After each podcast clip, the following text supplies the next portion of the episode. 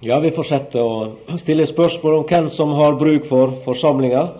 Og eh, som jeg sa tidligere, så tror jeg nok at i, i en eller flere av disse uttrykkene eller ordene som jeg bruker som overskrift, så kjenner vi oss eh, delvis igjen. Og kanskje vi også kjenner igjen eh, eh medsøsken i enkelte av disse tingene. Det neste som jeg vil stanse for, det er, det er de som jeg vil kalle for de lærevillige. De har bruk for uh, Guds forsamling. De lærevillige. Og da har jeg tenkt meg inn i situasjonen at uh, det kan en del av kanskje de folka som jeg omgås med i mitt daglige arbeid, oppleve. Hvis jeg uh, gjør det på den måten Nemlig at hvis du tenker deg en skole der lærerne har en veldig høy utdanning, og så legger de undervisninga si på et høyt plan, på et så høyt plan at elevene ikke har mulighet til å forstå det som blir sagt. Det er en fare for alle lærere i grunnen, og alle som skal undervise andre det er at en distanserer seg ifra de en skal snakke til, og de en skal forklare, slik at eh, en sjøl kanskje opp, opp, opererer på det nivået, mens de jeg snakker til, er på det nivået. Og Da skjønner vi at avstanden er så enormt stor at det kan ikke bli noe kommunikasjon og noe forståelse imellom. Og Det fører til at de som vi underviser, de har et udekka kunnskapsbehov som ikke jeg kan dekke til dem og ikke kan formidle til dem, for jeg legger det opp på et for høyt plan. Eller hvis du tenker deg studenter som vil lære, de er opptatt av det, de er motivert for det, de er interessert i å lære, men at de som skal lære dem, at de underviser som om at det er utlærte eh, professorer de snakker til. Da er det klart at undervisninga den vil eh, ikke være effektiv. Den vil heller føre til at eh, de som sitter og lytter, eh, de vil miste interessen. De forstår ingenting. Og interessen den vil dabbe. Eh, motivasjonen den vil forsvinne. Og gløden den vil bli borte. Og Dette kan skje i Guds forsamling også. Det kan skje i, i våre sammenhenger, i våre forsamlinger. Det har med det åndelige nivået å gjøre som eh, hver enkelt forsamling eller venneflokk står på.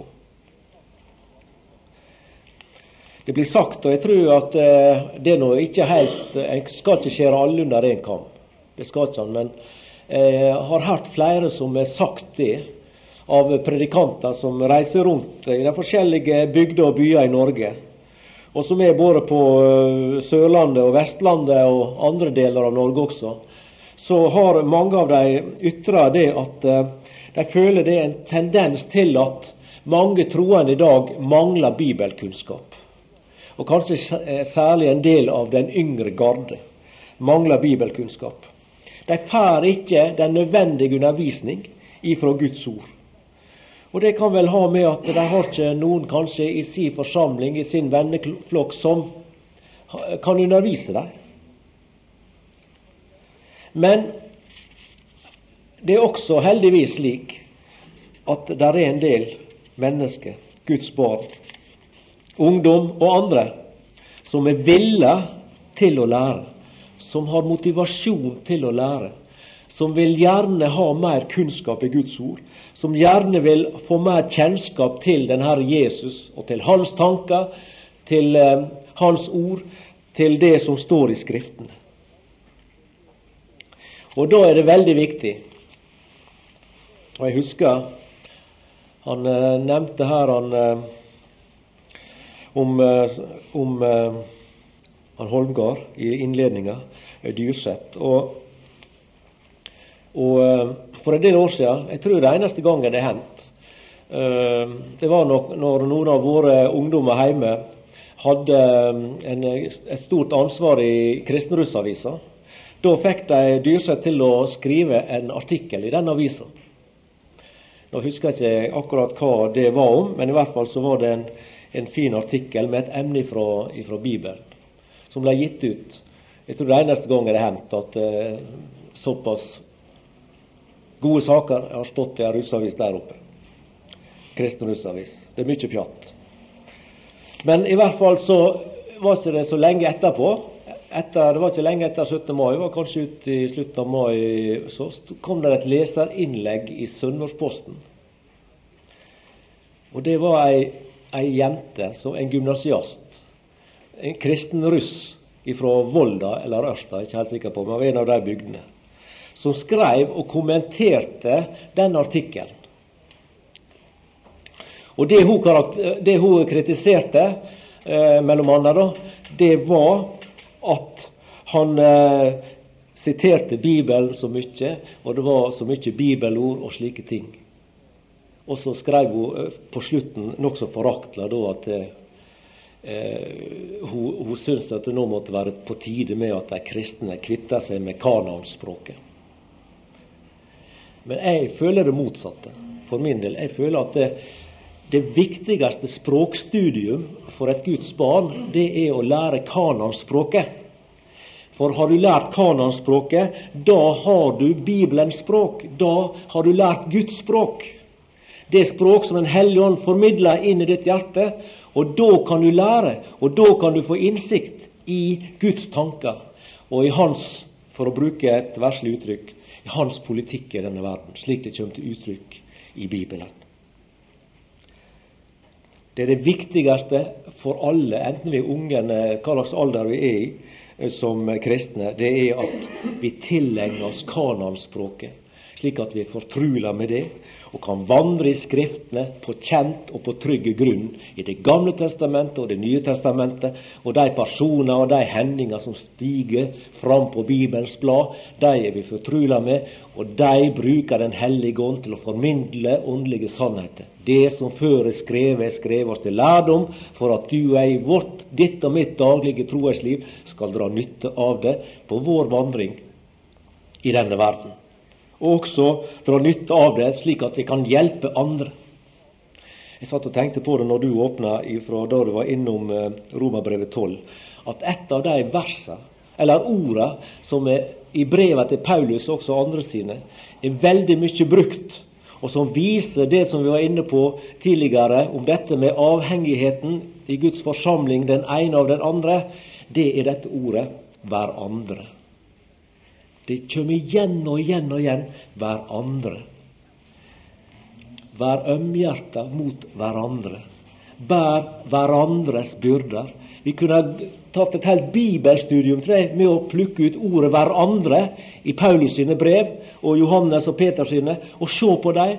Og vi vil se at de vil stadfeste det som vi har prøvd å minne hverandre om i disse samlingene, disse timene.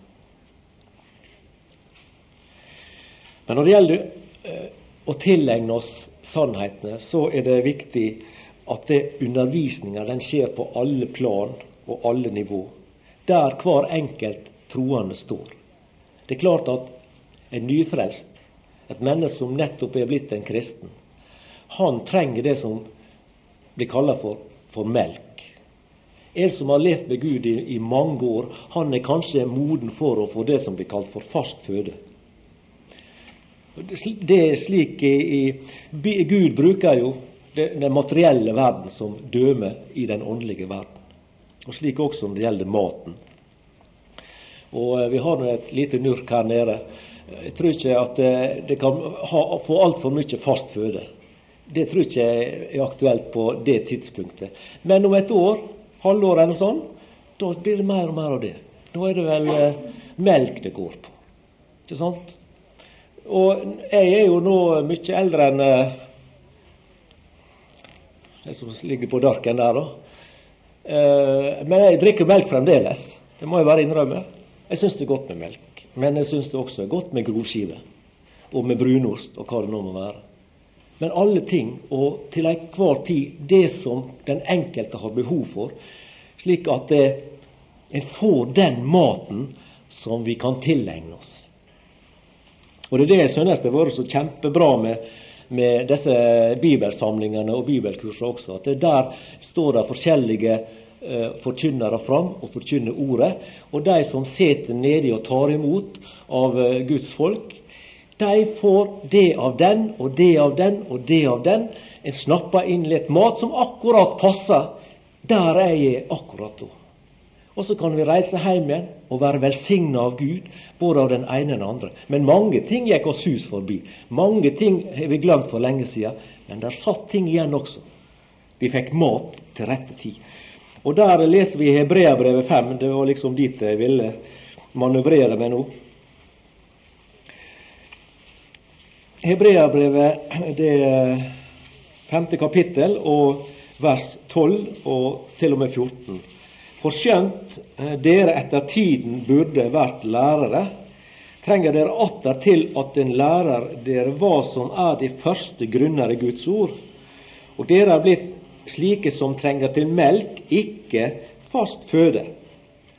Så kommer begrunnelsen. For den som får melk, er ukyndig i rettferdsord, for han er jo et barn.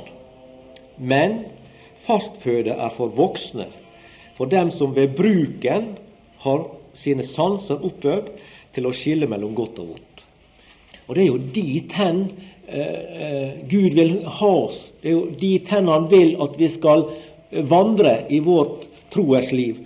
At vi vandrer ifra melk fordi vi er slike som trenger til melk, og det trenger vi ifra vi er fødte.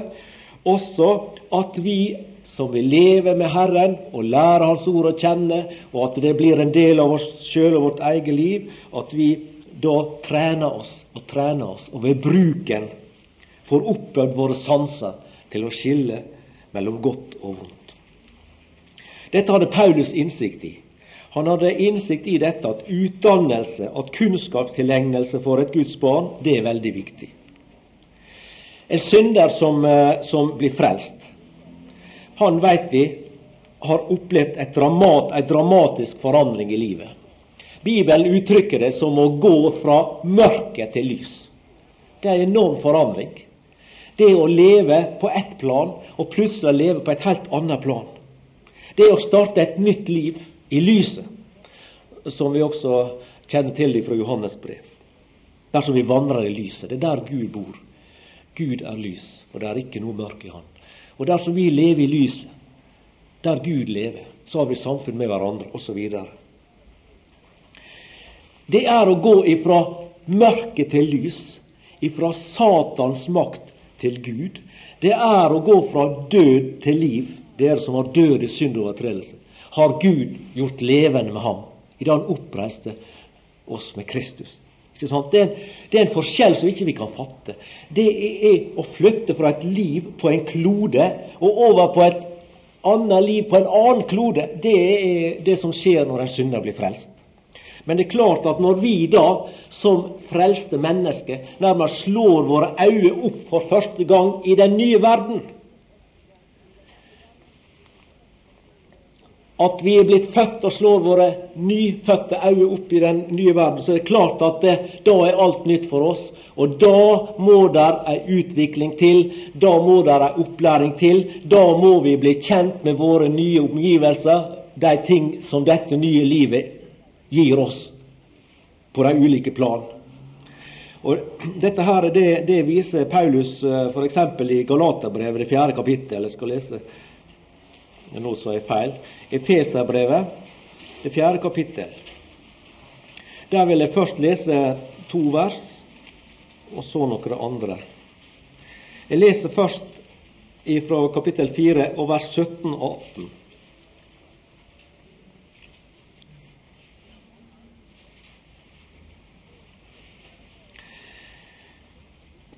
Dette sier jeg da og vitner i Herren, at dere ikke lenger. Altså der er et før, men ikke lenger. Der er noe som det bør være slutt på. For nå er det noe nytt som er kommet inn. Vi har opplevd en ny begynnelse.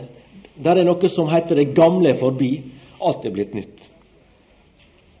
Dette sier jeg da og vitner i Herren, at dere ikke lenger skal vandre Her er ei vandring som kommer inn i bildet her som hedningene vandret i sitt sinns tomhet, formørket i sin tanke, fremmedgjort for Guds liv ved den vankunnhet som er i dem på grunn av deres hjertets forherdelse. Altså, det var ei vandring i vårt sinns tomhet. Som ufrelste mennesker, som naturlige mennesker, så sier Gud Han setter den attesten på et ufrelst menneske. At et ufrelst menneske vandrer i sitt sinns tomhet, er formørka i sin tanke og er fremmedgjort fra Guds liv. Men så skjedde det under at ifra denne tomhet og ifra denne formørkelse og ifra denne blindhet som et ufrelst menneske lever i, det står der jo også en plass, at det, denne verdens Gud har forblinda de vantro sinn, for at evangeliets lys ikke skal skinne for dem.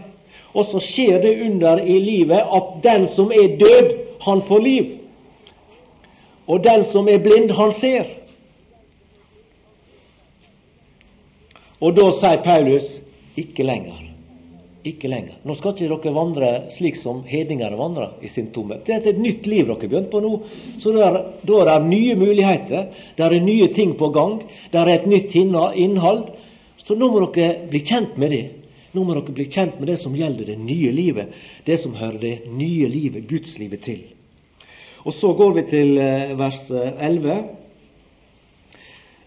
og det er Han som gav oss noen til apostler, noen til profeter, noen til evangelister, noen til hyrder og lærere, for at de hellige kunne bli fullkommengjort til tjenestegjerning, til Kristi legemes oppbyggelse, inntil vi alle når frem til enhet i tro på Guds Sønn og i kjennskap til Ham, til manns modenhet, til aldersmålet for Kristi fylde, for at vi ikke lenger skal være umyndige og la oss kaste og drive om av ethvert lærdomsvær, ved menneskenes spill, ved kløkt i villfarelsens kunster, men at vi, sannheten tro i kjærlighet i alle måter, skal vokse opp til Ham som er hovedet, Kristus. Og Når vi ser på dette før og nå, og vi tenker på det gamle liv, der vi levde nå, nå, nå uh, ordlegger jeg meg slik at det, det kan misforstås litt. Men det, det, jeg vil ha fram, det er at dette lærer Skriften oss. Det jeg nå sier. Det lærer Skriften. Men det er klart at det, her er en del, uh, heldigvis, en del uh, folk, og som sikkert sitter her også, som aldri har vært ute i verden, som aldri har opplevd å snu den Herre Jesus ryggen og gå ut i verden og leve et åpenbart syndeliv, men som kan vitne og si at så langt jeg vet i mitt liv tilbake, så har jeg alltid trodd på Jesus. Jeg har alltid levd med Han. Og Derfor så kan, kjenner en seg kanskje igjen i dette med at jeg snakker om et før og et nå. Men jeg sier det fordi det er det Skriften løfter fram som det faktiske forhold som angår vår gamle natur. For den er forderva. Den har Gud tilsidesatt, uavhengig av hvem vi er, og hvor gamle vi er. Som han var inne på i åpninga. Det gjorde Gud. Gud gjorde noe i Kristus og tilveiebrakte et frelsesverk så vi må flytte inn i av nåde, enten vi er fem år enn vi er 50 år. Så dette er en erkjennelse ut fra Gudsordet, det jeg sier nå. Det er ikke nødvendigvis et erfaring som alle her sitter med i sitt liv. Men det er en erkjennelse vi må ha. Nemlig at det, når vi ser på det gamle og tenker på det nye livet i Kristus, det livet vi lever i Den som er Kristus, han er en ny skapelse. Det gamle er forbi, alt er nytt. Det, vi, det bor vi alle sammen, uansett hva slags bakgrunn vi har så bor vi i det at det gamle er forbi, alt er nytt. Og det er dette nye livet jeg vil holde fram nå. At et frelst menneske i det nye livet trenger å Så jeg noterte opp noen punkt her. Å tenke nytt med hensyn til tjenesten. Det er ikke lenger, ikke lenger slik som før, som hedningene, i mørket og i et tomt sinn osv. Nei, nå er det en ny tjeneste. Nå er det en ny herre.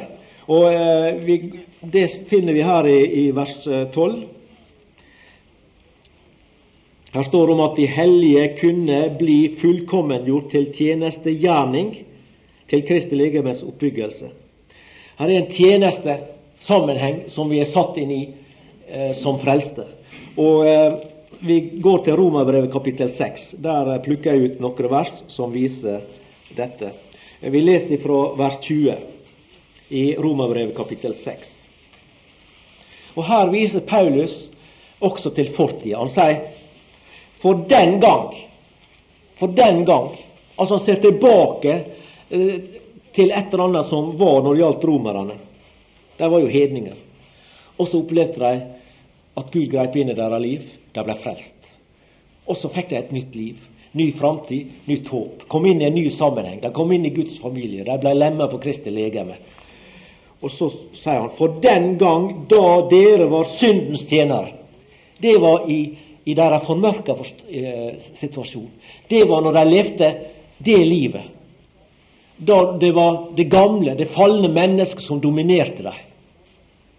Var de fri fra rettferdigheten? Hva frukt hadde dere da den gang? Slik som vi nå skammer dere over. For utgangen på det er døden. Men nå, den gang, da var det slik. Men nå, i Kristus, i det nye livet, som Guds barn, som lemmer på Kristi legeme, som en del av forsamlinga, av Guds hellige, da er dere frigjort fra synden og er trådt i Guds tjeneste. Den gang dere var syndens tjenere, nå er dere trådt i Guds tjeneste. Har i deres frukt til helliggjørelse og til utgang et evig liv. For den lønn som synden gir, er døden, men Guds nådegave er evig liv i Kristus Jesus, vår Herre. Så du ser at et Guds barn trenger å tenke nytt i forhold til tjenesten. En ny sammenheng en står i. Før var en syndens tjener, nå en Guds tjeneste en er gått inn i. En er trådt inn i Guds tjeneste. Og det andre jeg vil minne om, det er at vi må tenke nytt i, forhold til til fellesskapet. Og Det er jo mange som er vitner og sagt, og kanskje noen av dere også, jeg vet ikke. Men jeg vet i hvert fall folk hjemme som har sagt at når jeg levde som ufrelst, så må jeg si det at jeg, jeg tenkte mange rare tanker om, om eh, bedehusfolket, for å si det på den måten. Da. Og eh, jeg, har, jeg, jeg, jeg syns ikke noe særlig om dem. Og eh, kanskje forakta dem litt også og syntes det var noen rare folk. Men etter jeg ble frelst, så er det jo de som er blitt mine beste venner. Og de som faktisk betyr mest for meg i hele verden. Det er enkelte som, som er sagt, som har hatt den erfaringa i sitt liv. Det ble et nytt fellesskap. Det ble ikke på samme måten som i den verslige eh, tilstanden. Det ble nytt der også. Og det vi leser vi her i eh, Efeserbrev 4 og det tolvte verset.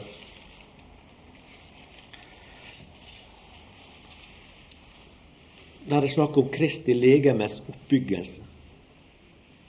For at de hellige kunne bli fullkommengjort til Kristi legemes oppbyggelse. Vi er satt i en ny sammenheng. Vi er satt inn i et nytt fellesskap, som jeg var inne på i stad. Dette fellesskapet som vi kaller for å være lemmer på Kristi legeme. Mange lemmer ett legeme. Mange menigheter snakka vi om i går. Kristi menighet som han vant seg og kjøpte seg med sitt eget blod. Også når det gjelder den kristne enhet, eh, eh, vers 13. Inntil vi alle når fram til enhet i tro på Guds sønn. Det står ikke det at, det, det, det at vi skal eh, nå fram til enighet. Det er ikke det der står. Enhet og enighet er ikke det samme. Så lenge vi har eh, den gamle natur i oss, som eh, dominerer av og til, slik at Den hellige ånd Det som er av Gud i våre liv, det som er av Den hellige ånd i våre liv, der er troens folk enige også. Da er det ikke bare enheten som rår, men enigheten også. Men der våre egne tanker, våre egne holdninger og, og, og disse tankebygningene som vi sjøl konstruerer oss ut fra vår falne natur, da blir vi uenige om løsninger på forskjellige ting. Men enigheten i Kristus den er der hele tida, for det er det Han som skaper. Det gjorde Gud. Gud satte oss som lemmer på sitt legeme, slik som Han ville. Der kan ikke du og jeg gjøre noe. Det er Gud er suveren. Fullstendig suveren. Heldigvis. Men vi er kommet inn i et herlig fellesskap, og vi er kommet inn i denne enheten blant Guds folk. Enheten i tro. Vi har én dåp, og vi har én tro, og vi har én Herre. Den Herre Jesus Kristus. Vår Latin-Amerika eller hvor vi reiser, og vi treffer kristne, så tror de på den samme frelser. De har den samme Herre, den samme tro, den samme dåp. Ånden består. Vi er alle døpt med én ånd til å være ett legeme. Men når vi kommer opp ut på de praktiske ting, da blir vi uenige. Da mener som med ditt, og som med datt, og som med ditt, og som med datt. Og så vet vi at det er personligheter som stiger opp, og personligheter som stiger ned. Og så eh, kan ikke en være sammen lenger, og så går en sånn og sånn og sånn. Og Derfor så har vi, har vi lutheranere, reformerte, og anglikanere og katolikker og hva det heter alt sammen. Og sånn er det bare. Det er et vitnesbyrd om at vi ikke er fullkomne. Det er et vitnesbyrd om at den gamle slange han eksisterer fremdeles. Både i verden, i himmelrommet, i våre egne gamle naturer. Og vi må tenke nytt om Kristus, som også kommer fram her i, i vers 13. Kjennskap står der. Kjennskap til Ham. Når vi, Et ufrelst menneske har ikke kjennskap til Kristus. Han kjenner ikke Kristus. Og Derfor har han så mange rare tanker om hvem Kristus er. Og tillegger Kristus all verdens ting som ikke er rett. Og så får han til kanskje å stille seg på avstand, til å avvise, til å snu ryggen til.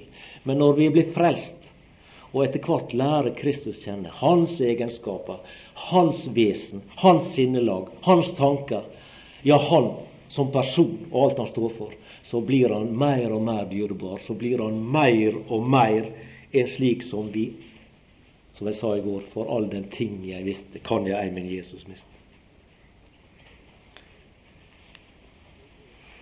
Og det, det, det, og det, som er det fine, det er at til mer kunnskap om Han vi får, til sterkere blir vi knytta til Han. Mellom oss mennesker så kan det være motsatt. At eh, til mer vi blir kjent med enkelte, til mer fråstøtende virker de på en måte. Men ikke sånn med Kristus. Til mer vi kjenner ham, til mer vi får kunnskap og innsikt i hans sinnelag og i hans karakter og sånn, til mer blir vi knytta til ham. Til mer avhengig av han blir vi, til mer umistelig for oss blir han. Og dette gjelder også at oss som, som troende, dette med der det står i, i slutten av vers 13 eh, der. Og i kjennskap til ham, til manns modenhet, til aldersmålet for Kristi fylde.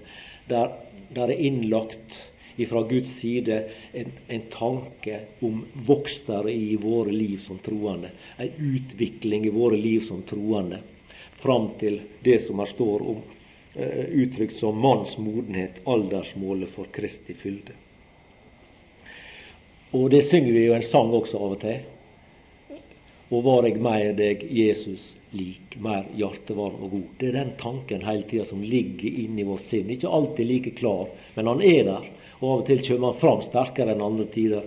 At vi ønsker virkelig av hjertet å ligne mer på Herre Jesus, for vi har opplevd han i våre liv. Og kunne vi være for andre på samme måten. Like milde, like tålmodige, like barmhjertige og alt sånt som han har vist både i sin tid i denne verden og i sitt ord ellers så er det vårt ønske å kunne oppnå litt av det.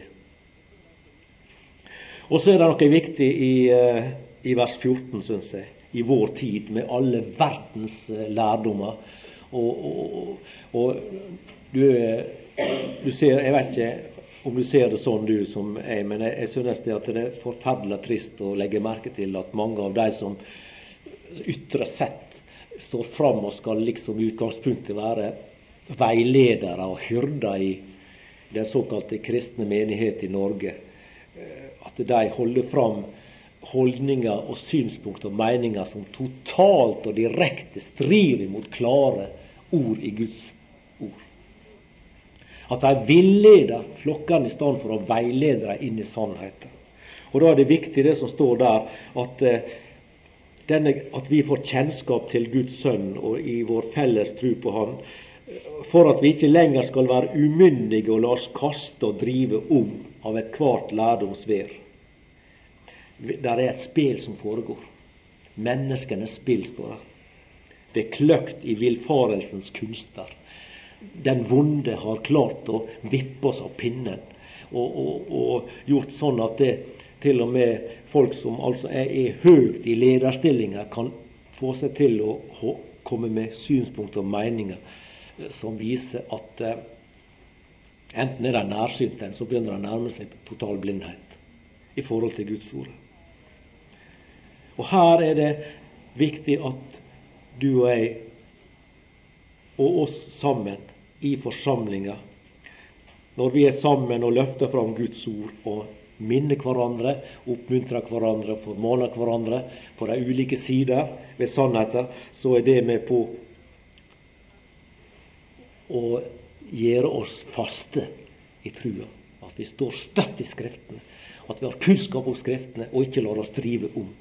Og, og sånn, ja, sier den det, ja, da må det være greit. Og sier den det motsatte, ja, det, da er det sikkert greit også, for han er jo, han er jo så og så høyt oppe i de ulike fora osv. Da kan vi stå fast og si Men Skrifta sier det, og der står det. Herren han sier det, ordet sier det, og det står jeg på. Så får alle mene hva de vil, om de er pave eller de er konge eller hva som helst. Jeg står fast på ordet, så langt som jeg ser det. Så stoler jeg på ordet. Da lar ikke vi oss drive om av ethvert lærdomsvær, men vi blir stabile kristne, som også andre kan oppleves som stabile. Og når vi da er sammen i fellesskapet, så virker vi stabiliserende på hverandre fordi vi løfter opp Guds ord, og så holder vi oss til det, og så bøyer vi oss for det i lydighet mot vår Herre og Frelser. Og i vers 14 står det også dette med dette været her. Disse spela, menneskespel, at du og jeg som et Guds barn står imot det. Motstår det tar avstand fra det og sier klart at dette strider mot Guds ord, jeg kan ikke gå med. Dette er mot sannheten så langt jeg ser. Jeg kan ikke si, si meg enig. Jeg kan ikke være med på det. Og Det siste jeg vil nevne, det er det som står i vers 15. At som frelste som, så skjer det noe nytt i vår tankegang når det gjelder sannheten. Det som oss regna som sant før, det ser vi at det var ofte løgn, og det kom fra løgnens far. Men nå har vi møtt Han som er sannheten. Jeg er veien, sannheten og livet, og Han er det vi forholder oss til nå. Det er Hans eiendom vi er blitt. Han er kjøpt oss og dyrt med sitt blod. Og da får vi et nytt forhold til sannheten, slik som det står der i vers 15. Men vi, sannheten tro i kjærlighet, i alle måter skal vokse opp til Han som er hovedet, Kristus. Sannheten tro i kjærlighet. Ja, forsamlinga er til for de troende som gjerne vil lære, vil lære, som gjerne vil vite mer om Kristus, som er interessert i Guds ord, og som gjerne vil vite mer om den bibelske vei til et godt og rikt liv. Enten det gjelder i heimen, på arbeidsplassen, eller ellers i det liv du og jeg lever i hverdagen. Slik som vi fant i, i vers 12. For at de hellige kunne bli fullkommengjort til tjenestegjerning til Kristi legeme sitt oppbyggelse. Tjenesten og oppbyggelsen står i sentrum i det verset. Kunnskapen du og jeg tilegner oss ifra Guds ord, det skal føre med seg en vokster i vårt liv som troende. En vokster som skal være til ære for den Herre Jesus og til gagn for hver andre. Til slutt i kveld så vil jeg drage fram at det er også en annen type menneske som forsamlinga er til for, og som opplever at de har bruk for forsamlinga. Og det er de mennesker som jeg vil kalle for de, de glemsomme mennesker. De som eh, glemmer lett, og som kjenner på seg sjøl at det som troende så trenger de å bli minnet på nytt og på nytt og på nytt. Minnet om sannhetene. En glemmer så lett. Og minnet igjen. En glemmer så lett. Og jeg tenkte på det, jeg noterte ned her, at det, Tenk hvis at det Hvordan ville det være å leve i ei verd der folk aldri glemte noe av det de hørte? Tenk hvis jeg ikke glemte noe av det som jeg hører. Ja, på en måte så hadde det vært kjempebra, men på en annen måte så hadde det vært forferdelig nifst. Voldsomt nifst. Tenk å gå rundt og huske på det som Nær sagt for år tilbake den sa og den sa og den sa og den sa. Og jeg, jeg, jeg, må bare ærlig si at av og til så er jeg glad for det jeg er glømsk. Jeg er forholdsvis glømsk. Og det er jeg av og til glad for. Det kommer meg til fordel i mange sammenhenger. Også blir det til, til bakdel og kritikk, altså. Har ikke du huska det igjen, og er du glemt nå det, og så videre sånn. Men samtidig så har jeg også glemt det som kanskje er blitt sagt år tilbake av folk som kanskje ei Da syntes at de trakka meg på tåa, og at de da sa noe som, eh, som gjorde meg litt eh, vondt, og som jeg ble litt arg på, kanskje. Den gamle slangen som kom opp der. Så jeg glemte hva det gikk ut på. Jeg husker ikke det lenger. Mens jeg kan også huske Jeg har hørt om uh, troende folk som helt til de oppnådde de grå hår, og ikke noe hår, hadde jeg sagt, husker tilbake 50-60 år tilbake, da naboen gjorde et eller annet med ei veite der som de aldri kan glemme. De leier og nage dem i 70 år. At naboen der la veita 10 cm inn på mitt stykke. Ja, det er sånn jeg mener. at det, Da er det, da er det nifst å huske. Men derfor er det så greit at det, du og jeg vi er i grunnen glømskne. Og fordi vi er glømskne, så må vi bli minnet om, og forhåpentligvis må vi bli minnet om de positive tingene. Og da tenker jeg på det som har med Gud å gjøre. At vi samles i forsamlinger og vitner for hverandre, leser Guds ord, løfter fram sannhetene. Vi hørte dem kanskje i forrige uke også, men vi trenger å høre dem i dag med. Vi har glemt mye av det i mellomtida. Vi må bli minnet igjen og igjen og igjen. Og da er det vel sånn som, eh, som det blir sagt, at du og jeg, vi har den egenskapen, og jeg vil si heldigvis, når det kommer til stykket, at vi det, Ja, heldigvis. Jeg skal ikke bruke det uttrykket. Det kan slå begge veier. Men ofte så er i hvert fall det at eh, vi glemmer ofte ting vi burde huske, kanskje. Og så husker vi ting som vi kanskje burde glemme. Og da er det bra hvis vi i hvert fall kan glemme det vi ikke burde huske. De egenskapene har vi kanskje. Men Paulus han har akkurat dette i tanken om at vi er så glemsomme. Eh, i et avsnitt i Bibelen som jeg var inne på i stad. Og Da tror jeg vi skal finne fram igjen til det, og det er Titus brev, det tredje kapittel. Der ser du at det første, første Paulus sier i det tredje kapittel, hva er det? Ja, Han drar fram det at det, Minn deg om Minn deg. Repeter det. Ta det om igjen. Si det en gang til. Dette hadde Paulus god greie på. Han kjente mennesket, naturen, og visste at slik er det med oss, at vi glemmer også viktige ting. glemmer vi. Og Da sier han her til Titus Minn deg om å underordne seg under myndigheter og øvrigheter, Og så videre. Jeg hopper over det jeg las i stad. Og så går jeg inn på vers 4. Men da Guds vår frelsers godhet og kjærlighet til menneskene blir åpenbart, frelste han oss, ikke for rettferdige gjerningers skyld som vi hadde gjort, men etter sin miskunn ved badet til gjenfødelse og fornyelse ved Den hellige ånd. Og i vers 8.: Det er et troverdig ord, og dette vil jeg at du skal innprente. Innprente, det er å slå det fast og eventuelt ta det om igjen og om igjen. Virkelig prente det. Pugge, kan vi kanskje si.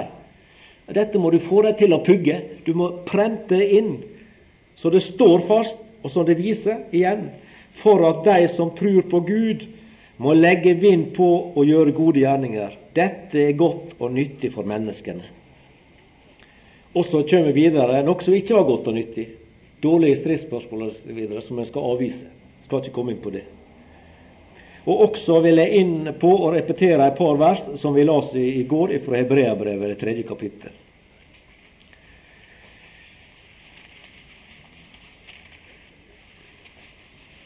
Dette viser i Titus brev og også i Hebreabrevet 3 det viser forsamlinga i aksjon.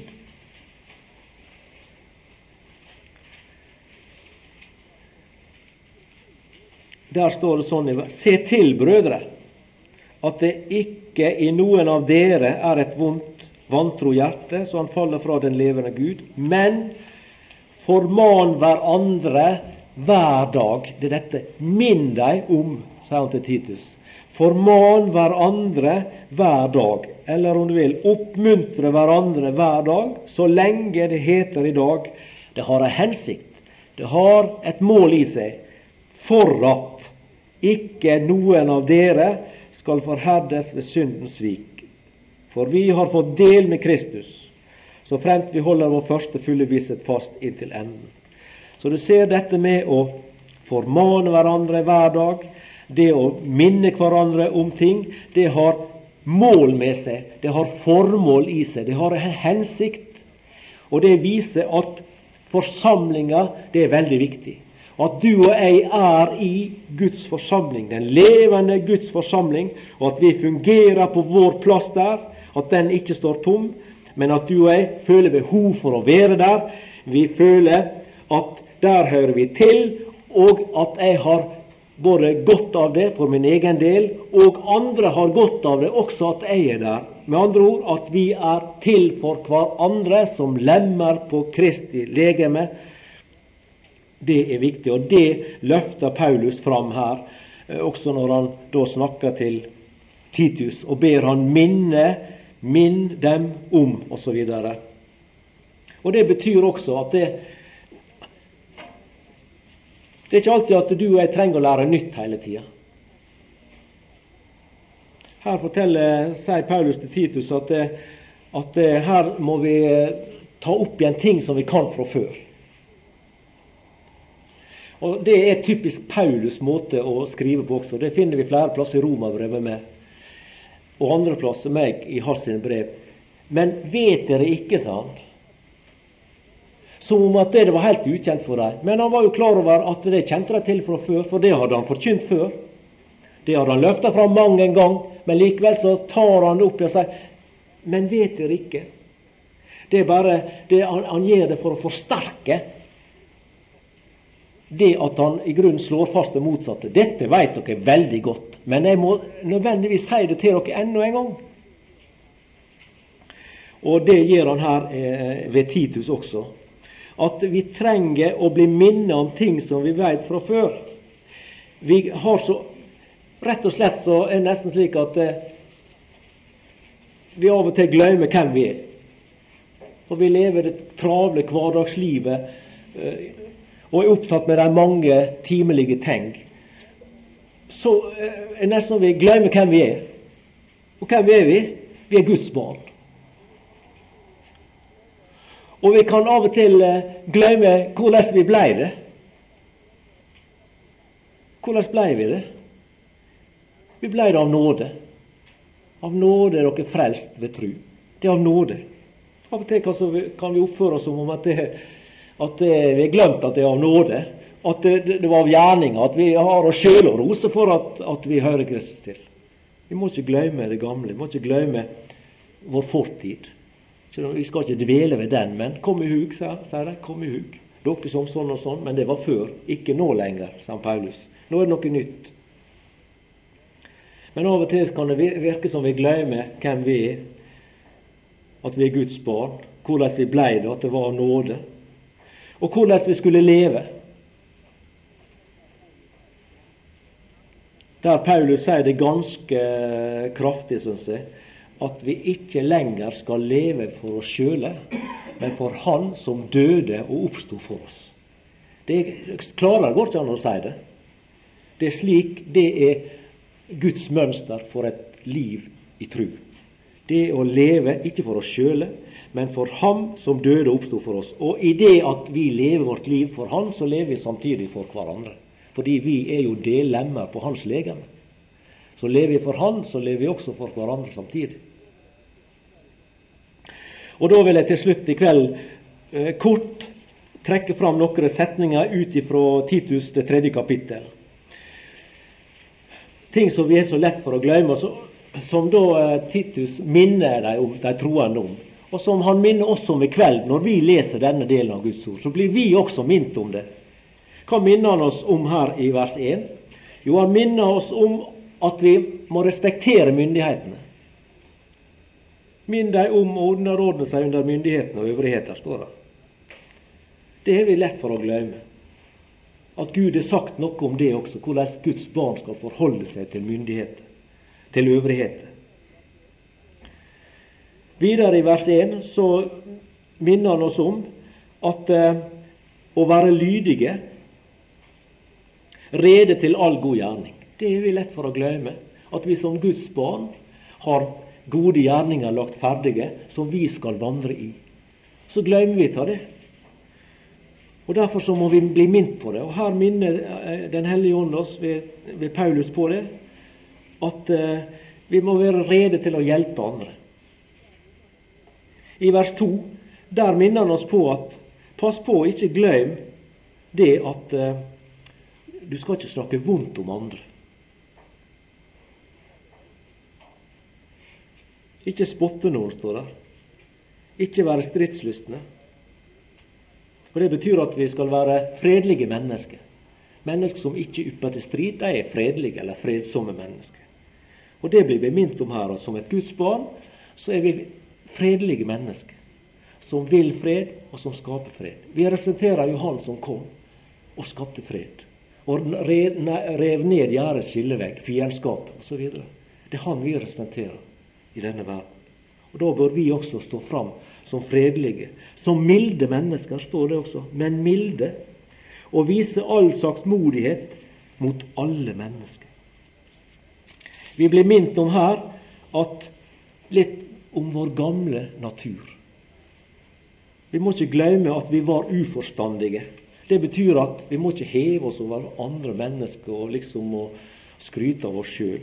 Men når vi ser andre som lever utenfor samfunnet med Gud, de ufrelste, så må vi også samtidig, når vi snakker med dem og prøver å, å, å vitne for dem på en eller annen måte, så må, må, vi passe på at vi ikke glemmer hvor vi kommer fra. Du husker han karen som, som, eh, står, som eh, la, vi las om, og du med sikkert, i en annen bok. Om han som var gatefeier borte i London, eller hva det var, og så opplevde han å å, få et helt nytt liv. Med, han ble rik av en eller annen grunn. Og, og, Om det var arv eller hva det var, tør ikke si. Men i alle fall så hadde han et skap i huset, og inni det skapet der hadde han feieutstyret sitt. Slik at han fikk liksom en trang i seg til å ho hovere seg over andre fattigfolk, og liksom å, å, blamere seg av den nye rikdommen sin, så, så sa han med seg sjøl tar en tur inn i skapet og se du er en, du er en feier. Der kom du ifra. Så du har ingen grunn til å hovere. Du har ingen grunn til å heve deg over andre. Husk på, slik var du. Det du er nå, det er du av nåde. Det er ikke din fortjeneste.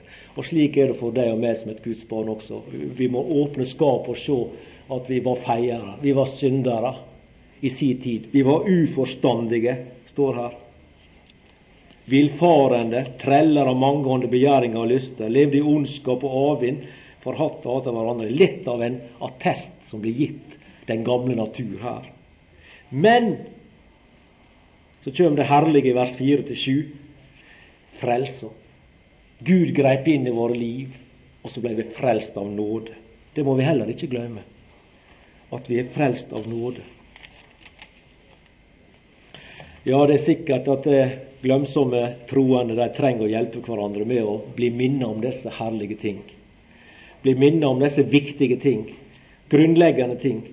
Og først og fremst at vi minner hverandre om Herren. Vi minner hverandre om å løfte fram Hans kjærlighet, Hans omsorg. Løfte fram Hans vilje, Hans evne og Hans makt til å bevare oss som sine i denne verden. Ei vond og vanskelig vær Ei, vans, ei vær som for mange troende ofte to, fortoner seg som å vandre gjennom ørkener. Andre ganger fortoner seg som å vandre over høye fjell. Andre som om de vandrer gjennom i tette jungler der det er mørke på alle sider.